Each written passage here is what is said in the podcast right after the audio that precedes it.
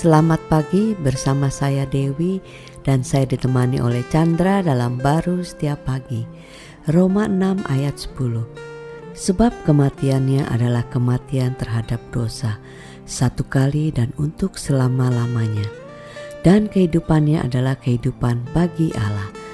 Wah ini uh, di saat-saat kita akan merayakan Paskah itu kita mengingat bahwa kematian Yesus adalah kematian untuk uh, menanggung dosa manusia ya sehingga kita itu lepas daripada hukuman upah dosa itu itu maut kan sehingga kita boleh menikmati hidup yang penuh dengan uh, kemenangan bersama hidup Kristus ya. Iya.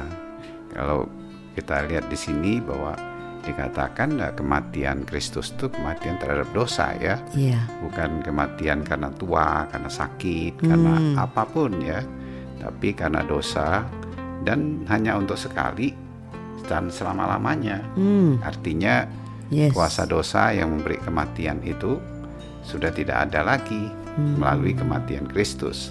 Sebenarnya itu kan gambaran kehidupan kita sebagai manusia itu yang sudah jatuh dalam dosa sehingga maut berkuasa kan betul menjadi hamba dosa yang nggak ada kekuatan bagi kita untuk keluar mm -mm.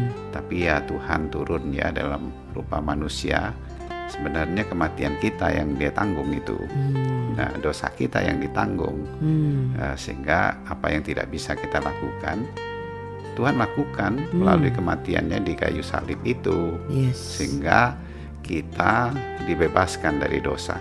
Itu hanya dilakukan sekali untuk selama-lamanya. Hmm, jadi bukan berarti kalau kita melakukan kesalahan, Kristusnya Yesus itu disalib lagi mati, nggak gitu ya? Enggak, yang perlu kita sadari justru hmm. kemenangan kita itu menyadari bahwa kita sudah uh, diberikan kemenangan terhadap dosa itu dan hidup kita sekarang ada di dalam kehidupan Tuhan melalui Roh Kudus tinggal di dalam hidup kita yang baru sehingga kita nggak lagi berjuang ya untuk hmm. seakan-akan hidup kudus yang kadang-kadang bisa, kadang-kadang tidak bisa, hmm. tapi lebih berakhir dengan uh, tidak bisa karena hmm. manusia tidak bisa yang perlu dia sadari dia sudah menerima dari apa yang tidak bisa oleh karya Kristus melalui kematian dia ya. Hmm, jadi Sehingga, maksudnya tuh artinya itu sebelum Yesus itu menebus hidup kita dia mati di kayu salib, semua manusia itu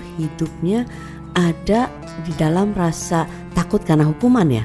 Iya, salah satu ya hukuman yang terjadi kan karena dosa itu hukuman terbesarnya itu kan kematian. Betul. Dan yang lain-lain itu kan hanya eh, impact daripada Eh, dosa dari kematian itu apakah sakit hmm. apakah kekurangan hmm. apakah apa eh, pergumulan di dalam kehidupannya yang membuat dia tertekan tidak bahagia itu hanya hmm. impact daripada dosa, uh, dosa yang membawa kematian itu dia nggak bisa hmm. keluar dari dirinya dengan kekuatan dia seperti ulat lah ya dia mau jadi kupu-kupu kan nggak bisa. Betul. Nah, kecuali dia mati dan dia punya hidup baru menjadi kupu-kupu. Hmm. Nah, sama dengan yang dilakukan Kristus yaitu sebuah gambaran kan nah, ulat dan kupu-kupu itu kita dia mati menanggung kematian kita sebenarnya bukan hmm. kematian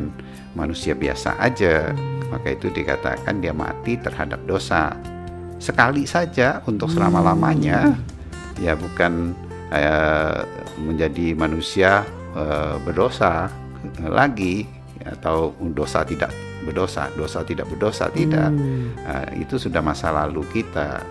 Nah, itu pandangan. Ya? ya bisa aja perjalanannya kita uh, sepertinya bergumul ya, hmm. tapi menangnya kita bukan dari pergumulan kita, tapi kepada percaya kita kepada Dia. Yang sudah menebus ya? Ya sudah menebus. Lama-lama menjadi satu kekuatan karena ada Roh Tuhan dalam hidup kita bukan lagi masa lalu itu e, dosa itu yang menjadi ikatan dalam hidup kita, tapi hidup baru dia yang keluar, hmm. yang terekspresi di dalam hidup kita. Ya itulah pasti menyenangkan Tuhan itu. Amin. Amin.